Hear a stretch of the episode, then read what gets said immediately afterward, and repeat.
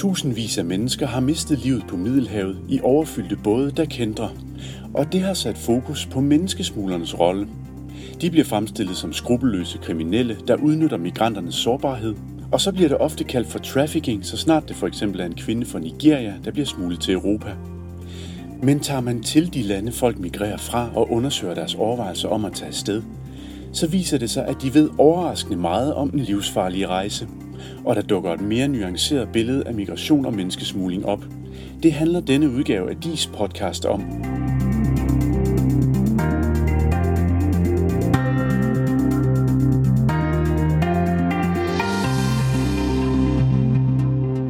Velkommen til DIS podcast, dengang om øh, migration, menneskesmugling og trafficking. Mit navn er Troels Jensen, og øh, med mig har jeg Signe Plambæk, postdoc her på DIS. Udover at forske i de her emner, så er du også en af idékvinderne bag vores filmfestival Docs and Talks. Og øh, du formidler en stor, i det hele taget en stor del af din forskning via dokumentarfilm. Blandt andet har du lavet filmen øh, Becky's Journey fra 2015 om øh, nigerianske Becky, der, øh, der i filmen fortæller om sin rejse op gennem Sahara til Libyen og om drømmen om at komme til Europa. Vi skal lige høre et klip fra filmen, inden vi øh, går i gang. I don't know, but I've seen a lot in my life. I'm a little girl. Um, I don't think I'm, I'm a grown up, but I have seen a lot. In the desert, I have seen people died in my arms. People died in the desert anyhow. I'm not the Becky that people used to know then. I'm a changed person. Jeg har, jeg har set mennesker dø i ørkenen, siger Becky her, og så fortæller hun, at hun er en anden end dengang, øh, før hun begyndte på sine rejser. Øh, når du er på feltarbejde i, i Nigeria, så, øh, så er der jo masser af de her gruopvækkende historier for folk, der har forsøgt at komme samme vej som, som Becky. Du har fortalt mig, at omkring 25 procent af, af de her nigerianske migranter er kvinder. Det er en langt større andel end nogle af de andre, andre vestafrikanske lande. Hvorfor forholder det sig sådan? En del af de nigerianske kvinder rejser til Europa og, og ender i, i sexindustrien. Og de sidste 15-20 år har der været en, øh, en, en udvikling, hvor øh, mange af de kvinder, der er kommet til Italien og til Europa, de hjælper andre kvinder med at komme afsted. Så der er, er opstået det her øh, kvindelige migrationssystem, hvor, øh, hvor kvinder øh, hjælper andre kvinder med at komme afsted, og hvor det er blevet noget at, at, for mange kvinder at forsørge deres familier på. Samtidig er der stor arbejdsløshed blandt mænd øh, i det, i det øh, område i det sydlige Nigeria, hvor jeg arbejder. Øh, så der er et større antal af, af kvinder, der bliver nødt til at brødføde deres familie og være ene forsørger. Så der er sådan en sammenhæng mellem det at være, være ene forsørger og, og migration. Øh, det kan man jo øh, godt mærke, hvis man beskæftiger sig øh, med, med blandt andet miljøet i København også, at, at der er mange nigerianere. Og den nigerianske migrantstereotyp, det er jo det, er jo det der, med, som nogen kalder en handlet kvinde, som sælger sex på gaden i København. Øh, men din film her, den, den viser, at, at Becky selv vælger at tage afsted øh, på den her meget risikable tur, og ovenikøbet får hun at vide, at udsigten netop ikke er til et almindeligt job, men, men udsigten er til prostitution. Øh, hvorfor tager Becky og andre alligevel afsted så? Jamen, det er en del af diskussionen omkring den handlede kvinde har især været det her med, ved hun det, eller ved hun det ikke, at hun skal sælge sex. Og hvis øh, hun ikke ved det, øh, så er hun øh, tvunget til at sælge sex og opfattes virkelig som et, det ultimative migrantoffer. Øh, altså hvem kan forestille sig noget værre, end at være tvunget mod din vilje til at rejse mod Europa, og så ind på Istegade og sælge sex.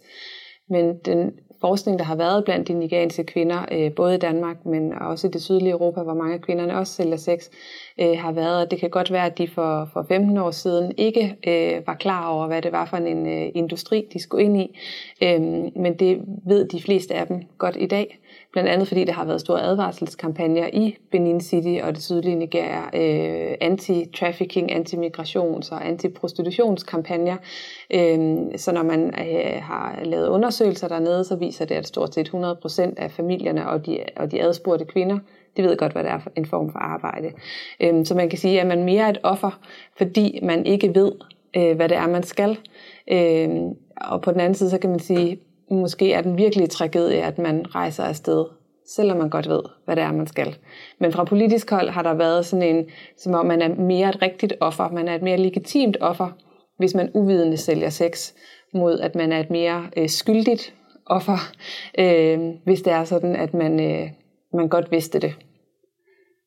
Men, men hvorfor fylder den her fortælling egentlig så lidt i debatten, tror du?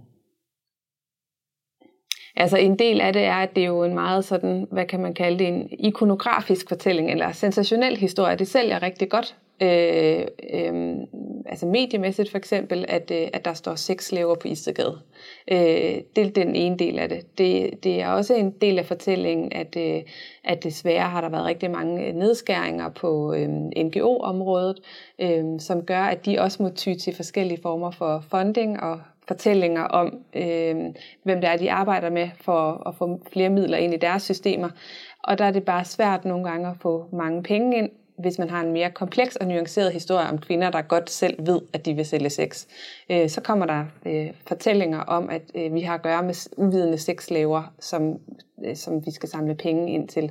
Øh, så fortællingen om om mm, offret versus bødlen, altså den, den mm, kvinde som offer, og så traffickeren øh, som den, den onde, onde mand, øh, er en mere salgbar historie end den komplekse fortælling om kvinder, der lige så langsomt ender op i et system, der udnytter dem. Øhm, I Nigeria for eksempel, der siger man tit, vi vil, vi vil hellere have, I kalder det, at i dag i slave sætter vi os selv. Altså at vi selv ender i en situation, hvor vi bliver, øh, hvor vi udnyt, er udnyttet, fordi at, øh, at vi drømmer om at komme til Europa og få et bedre liv.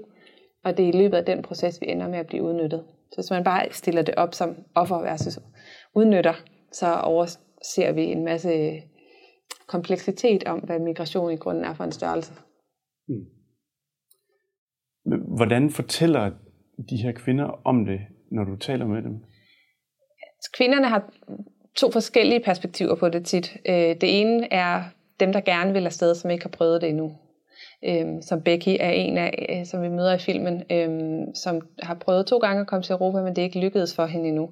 Øh, så hun har en bestemt fortælling om, at, øh, at hun tror ikke på, at det er trafficking, og øhm, det, er, det er migration, og hun ved godt, hvad hun skal.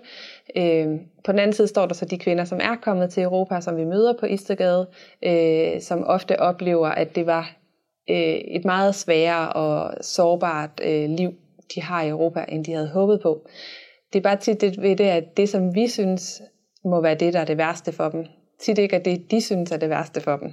For eksempel at sælge sex, eller have gæld til, til bagmænd, til trafficker. Øh, der er mange af kvindernes perspektiv, men det værste for mig er ikke det. Det værste er, at jeg er her uden papir, så, så politiet er efter mig. Jeg er ligesom jaget vildt, uanset hvor jeg er henne i Europa, øh, og jeg kan ikke tjene nok penge, jeg har ikke nok kunder til at komme af med min gæld. Øh, så, så øh, hvem man spørger, øh, altså afgør ligesom, hvilket perspektiv der er på, øh, hvor i udnyttelsen præcis består. Men de kvinder, der, der er i Nigeria, må jo også have kontakt til, øh, til nigerianere i, øh, i Danmark. Øh, betyder det noget, hvad de fortæller øh, fra Danmark øh, over telefonen til Nigeria, tror jeg? Altså det betyder, øh, Øh, den kontakt man har til nigerianere, hvad enten det er Italien eller Danmark, og de informationer man får derfra, betyder øh, helt sikkert meget mere end de informationer man for eksempel får fra myndigheder eller fra politisk hold. Altså man har stor tillid til de informationer man får. Øhm, på den anden side er det heller ikke altid alle informationer, der øh, bliver øh, transporteret tilbage til Nigeria. Altså så man ved godt for eksempel, at det handler om at sælge sex, øhm, men man ved for eksempel ikke hvor tit man skal løbe fra politiet, eller hvor svært det er at finde et sted at bo. Altså, der, er, lige, der er mange nuancer, der alligevel øh, forsvinder i, i de fortællinger, der går, der går tilbage til, til Nigeria. Så man ved godt øh, relativt meget, men der er også en del, som, øh, som man ikke ved. Og så er der den anden del af det, som jeg oplever mange af kvinderne, især de yngre kvinder, øh, som måske er, hvad kan man sige, en relativt almindelig foretagelse blandt unge mennesker måske, at de, øh, de tænker, at det kan godt være, at du kommer i problemer, men det kommer ikke til at ske for mig. Jeg er smart, og jeg ved godt, hvordan jeg skal undgå de problemer, som du kom i. Så der bliver også en individualisering af problemet, som i stedet for at det er strukturelt, så er det ligesom, jeg kommer til at regne den ud, jeg er smart, det var du ikke, øh, og det er det, man håber, der skal bære en igennem, når man først ankommer til Europa. Udover øh, Nigeria, så, øh, så foregår en stor del af din forskning i, i Thailand, øh, jo sikkert for at, at sammenligne to meget forskellige steder rent geografisk øh, inden for det samme emne. Øhm, for nylig boede du i, øh, i Sarn-provinsen i, i en landsby, hvor du følger migrationen mod Europa også. Er der nogen forskel på, hvordan man ser øh, migrationen der, i forhold til, hvordan man ser den i det sydlige Nigeria? Jamen, altså, man regner med, at der er sådan 7-8 steder i verden, hvorfra kvinder især rejser til øh, Europa. Øhm, øh, til det, man kan kalde en omsorgssektoren eller omsorgsmigration, øh, altså ægteskabsmigration, øh, migration ind i, i sexindustrien, selvom at nogen ikke synes, man skal kalde det omsorgsmigration, men det ligger i hvert fald inden for det felt, der ligesom hedder intime migrationer, øh, hvor, hvor kvinder rejser i en eller anden forbindelse, øh, der har noget med mænd at gøre. øh, og det, der, der kan man sige, der er stor forskel på Nigeria og på Thailand. Nigeria har været kolonialiseret for eksempel, det har Thailand ikke. Øh, så derfor er der egentlig mange grunde til, øh, øh, at man ikke skulle kigge på det. Men ikke desto mindre er det lige præcis øh, de her to steder, hvorfra at, at øh, den største gruppe af kvindelige sexarbejdere, vi har i Europa, kommer fra. Øh, de nigerianske migranter startede senere end de, øh, end de thailandske. Øhm, så det, jeg har mulighed for ved at kigge på de her to steder, det er at se, hvordan EU's migrationskontrol påvirker to områder, der i stort omfang har været afhængige af de penge, som kvindelige migranter sender hjem. De har brødfødt øh, øh, familier, øh, betalt hospitalsophold, skoler, øh, bygget huse, øh, rigtig meget i Nordøst Thailand især. Og de har haft mulighed for, for 20 år siden, der kunne man rejse visafrit øh, fra Nordøst Thailand til Danmark, hvis man havde en invitation fra en, en, en mand. Øhm, og nu er de endnu mere, eller mere og mere afhængige af at rejse øh, udokumenteret ind i Europa eller overstaye korte turistvisaer. Hvorimod de nigerianske, øh, de bliver nødt til at rejse øh, stort set konsekvent, irregulært, øh, gennem Sahara-ørkenen over Middelhavet, og bliver i meget større omfang deporteret. Så jeg kan sammenligne de her to steder og se på, hvad, hvordan påvirker EU's migrationskontrol øh, områderne i syd, især i et kønsperspektiv. Og den migrationskontrol er jo blevet, hvad kan man sige, øget, og der er, blevet kommet, der er kommet mere restriktive regler for, øh, hvordan, hvordan man kommer ind i Europa osv. Hvordan har det påvirket migrationsstrømmene fra henholdsvis Nigeria og Thailand? Altså, den er, øh, øh den er blevet mere og mere irregulær øh, på den måde, at kvinderne øh, skal opsøge, øh, når de gerne vil til Europa, så opsøger de øh, et, et, et hvad man vil kalde et kriminelt øh, migrationsmarked. Øh, altså de opsøger, i, nu hvor jeg lige har været afsted i, øh, i Thailand, og som er et område, som jeg har fulgt de sidste 12 år, for første gang, taler de helt åbenlyst om, at de bliver nødt til at rejse ind til Bangkok for at få lavet falske papirer, og jeg følger ligesom med dem rundt i Bangkoks gader og prøver at, at, at trace de her forskellige øh, virksomheder, som, som de har fået lavet falske papirer igennem, og ender på et lille bitte værelse i, i Bangkok med en stak øh, øh, papir, som, som en kvinde skal bruge for at komme ind i Spanien, hvor hun skal fortælle en historie om, at hun skal være øh, indretningsarkitekt, øh, til at, at hun så vil tage bussen allerede dagen efter fra Madrid til København. Øh, alle de strategier har, har ændret sig. Altså der er simpelthen flere mennesker involveret i at få kvinderne til Europa. Det er den ene øh, forandring, der har været. Den anden er, at de skylder mange flere penge. De låner simpelthen mange flere penge, øh, inden de rejser afsted. De skylder rigtig mange penge, inden de overhovedet migrerer, men nu migrerer de for at betale den gæld af, og det skal de også låne penge til. Så der kommer nogle meget gældsatte øh, kvinder til Europa, og der hvor de kan tjene flest penge hurtigst, det er i, øh, i sexindustrien, øh, hvis du ikke øh, har papir. Så på den måde øh, er de to største forskelle, det er de aktører, de bliver nødt til at tage kontakt til for at komme ind i Europa, og den gæld, de, øh, de optager for at være her. Ja, for en af de ting, der har været meget diskuteret i hele debatten om, migration, det er menneskesmuglerens rolle.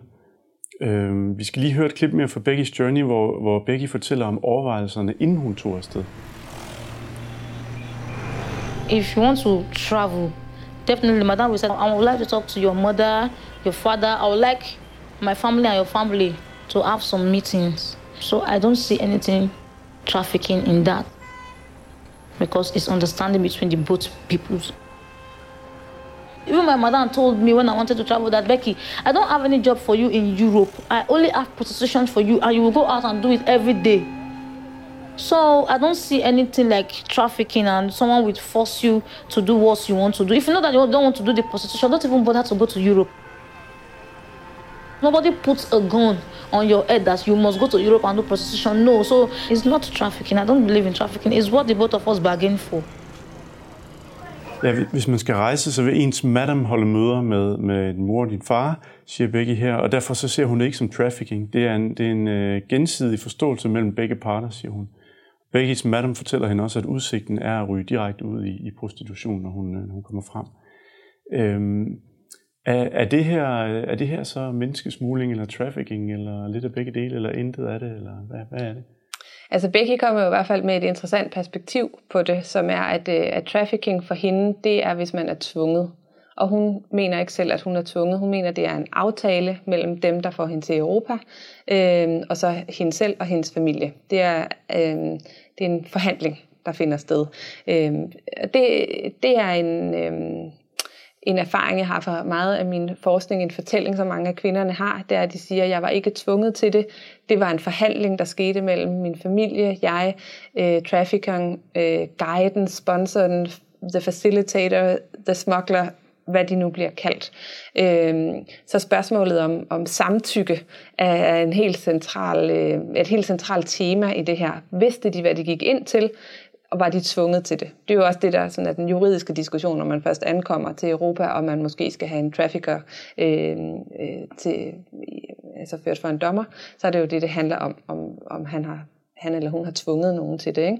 Øh, så spørgsmålet om samtykke er ligesom øh, det vigtige, og, og det er jo det, hun, hun siger, vi indgik en forhandling, jeg var med på, hvad der skulle foregå. Ikke? Øhm, man kan sige, det der er forskellen på trafficking og smugling, øh, det er, at, at trafficking har en udnyttelseskomponent. Ellers er det ikke trafficking.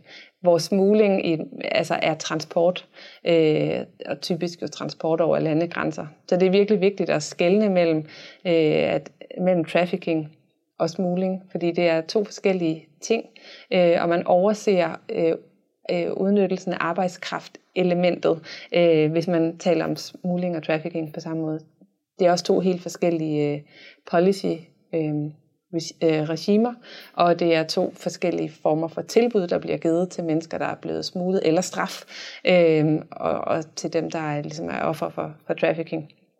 Men, øh, men ifølge Becky, så, så oplever hun det jo ikke som noget, hun er, er tvunget til.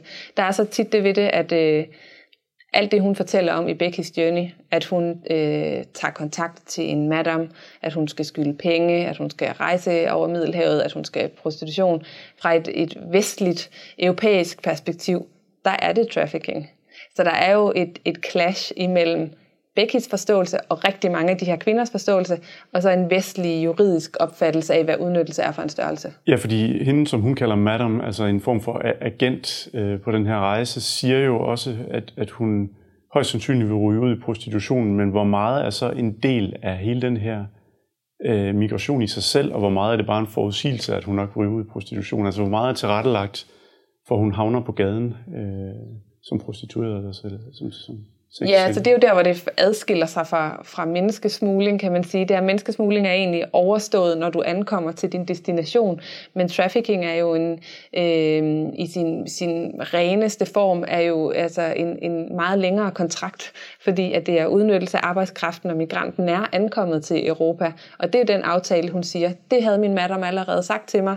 Det ene er, at jeg kan få dig til Europa, det andet er, at jeg har også en arbejdskontrakt til dig, og det går ud på prostitution. Og så siger Becky, altså lad være med at overhovedet tænke på at tage til Europa, hvis du ikke har tænkt dig at sælge sex. De ved godt, at det er ikke et job som damefrisør mere. Sådan var det måske for 10 år siden, men vi overser også migranterne og kvindernes, og det gælder både for Thailand og Nigeria, Øh, viden og handlekraft og indsigt i, hvad det er, der er på spil, hvis vi hele tiden tror, at det kun er er kvinder, der er helt uvidende og kidnappet fra deres landsby, øh, og får at vide, at de skal op og være damefrisør. Altså, de, de er på Facebook hver dag, de ved godt, hvad der foregår ud i verden. Men hele den der offer øh, tankegang, øh, hvis den nu er i opbrud i forvejen og, og meget mere kompliceret end bare sådan en binær øh, offerbødel, hvad betyder det så for, for hele måden, man for eksempel går efter menneskesmuglere på, eller traffickere? Altså man kan i hvert fald sige, at øh, en af de diskussioner, der har været øh, fra EU's hold, har været at sige, at der, er, der foregår så meget vold og udnyttelse blandt menneskesmuglere, så lad os kalde det for trafficking. Altså lad os så at sige trække trafficking-kortet. Hvem mm. kan forestille sig noget værre end trafficking? Og, og der er endda øh, EU-politikere gået så vidt til at sige, at det er vores dages slavehandel. Vi må gøre alt for at stoppe det. Hvis man i tale sætter det øh, som, som slavehandel og ikke smugling, altså transport, så legitimerer det mange andre former for magt. Og det var især noget, vi så, altså helt, øh, vi kunne følge øh, samtalen omkring det, at lige så snart man begynder at kalde det øh, vores tids slavehandel, der foregik i Middelhavet, så begyndte man også at tale om, at der skulle øh, NATO-skibe ned i Middelhavet. Det legitimerer mange former for, for vold og magt, når man øh, når man kalder det noget andet. Øh, så derfor er det vigtigt at adskille, hvad det ene er, og hvad det, hvad det andet er.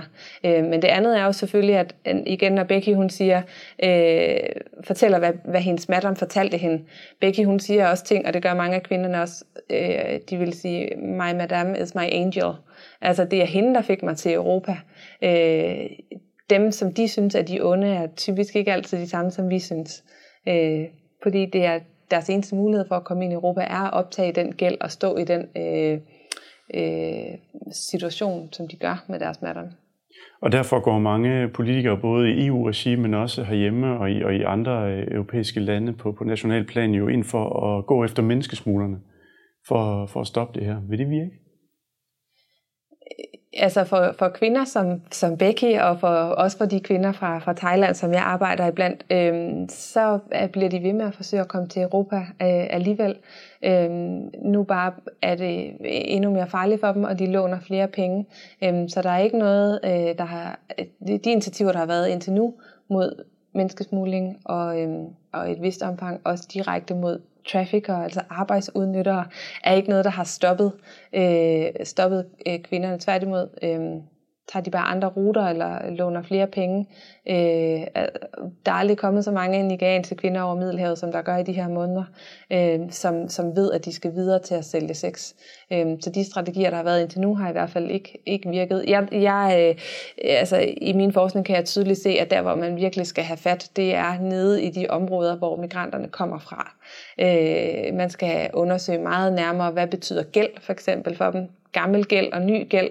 Øh, altså jeg plejer tit at sige, at øh, migration for de her kvinder er gældsanering på lang distance. Altså man rejser til Europa for at gældsanere sig selv og sin familie. Øh, det er ikke noget, øh, at stoppe smuglere ændrer ikke på den, øh, det marked for, for smugling og trafficking, som der desværre er. Øh, men jeg tror bare, man skal have, have fat meget længere nede ved, ved Nellens øh, rod, som er, og det kan jeg jo se ved at have fulgt de områder, hvor de kommer fra øh, i så mange år, at det, det er dernede, øh, man virkelig kan forandre noget, snarere end på ruten. Mm. Så, øh, så hvad så i forskellige lande, Norge og Belgien og også Italien, har man indført nogle ordninger, hvor man tilbyder offer for menneskehandel opholdstilladelse mod, at de til gengæld angiver øh, bagmændene. Øh, hvad betyder det for hele målet om at kunne komme til Europa og få en opholdstilladelse? Altså man kan jo sige, at ofre for trafficking og især kvinder er ligesom blevet udset som den en, en undtagelsestilstand i EU's migrationspolitik. Det er ligesom nogle helt særlige, øh, en helt særlig gruppe migranter, som vi ser som særligt sårbare, og som skal have, have en anden form for hjælp end dem, end, end andre, typisk end, end bare en mænd faktisk. Der er, for der er en stor kønsdimension i det her også, ikke? at vi umiddelbart ser øh, kvinderne som, som ofre alene af den grund, de skal sælge, øh, sælge sex, og de er kvinder. Øh, og derfor kommer der så også den her tilknyttede diskussion om, skal vi så ikke lade dem blive her, når de nu er ofre på europæisk jord. Og det er der så nogle lande, der har... Øh, der er begyndt på. Det har man ikke i Danmark endnu, hvilket Danmark er blevet kritiseret meget øh, for fra internationalt hold, at vi ikke giver det ophold. Men det spiller selvfølgelig ind i, hvad kan man sige, en diskussion om migration i det hele taget. Er det, øh, og, og indvandringspolitik, er det ikke en glidebane at sige, hvis du var et offer, øh, så får du opholdstilladelse. Kritikere vil sige, flere vil så lade sig handle øh, for at få den opholdstilladelse. Øh, og på den anden side må vi sige, de lande, der tilbyder opholdstilladelse, øh, der har vi ikke set en stigning af kvinder, øh, som som øh, kræver opholdstilladelse. Den sidste dimension af det er, øh, når stater de siger, at du kan få opholdstilladelse mod, at du øh, vidner øh, mod dine bagmænd, så begynder staten pludselig at forhandle med nogle meget sårbare, udsatte mennesker? Er det, er det rimeligt, øh, at du kun kan få sikkerhed, personlig sikkerhed, hvis du giver noget tilbage til nogen så stærk som staten? Så der er en, der er en stor moralsk dimension i den forhandling, hvor andre menneskerettighedsaktivister vil sige, staten skal ikke forhandle sikkerhed med sårbare migranter, de skal bare have opholdstilladelse. Så derfor er det en, øh, det er en varm kartoffel øh, i, øh, i migrationsdebatten, om, om de lige præcis skal være den gruppe, der får en, øh, en, en særbehandling i forhold til, til andre. Signe Plambæk, mange tak for, at du er med her i DIS podcast. Og øh, så kan jeg fortælle, at den 31. maj og 1. juni, der holder du en konference med øh, hele to events, som især handler om migration, køn og, og så hvordan hele det her faktum, at verden er ved at gå lave, det påvirker, påvirker debatten om køn og migration. Og hvis I derude vil se mere om de her seminarer, så kan I gøre det ind på dis.dk. Tak for nu.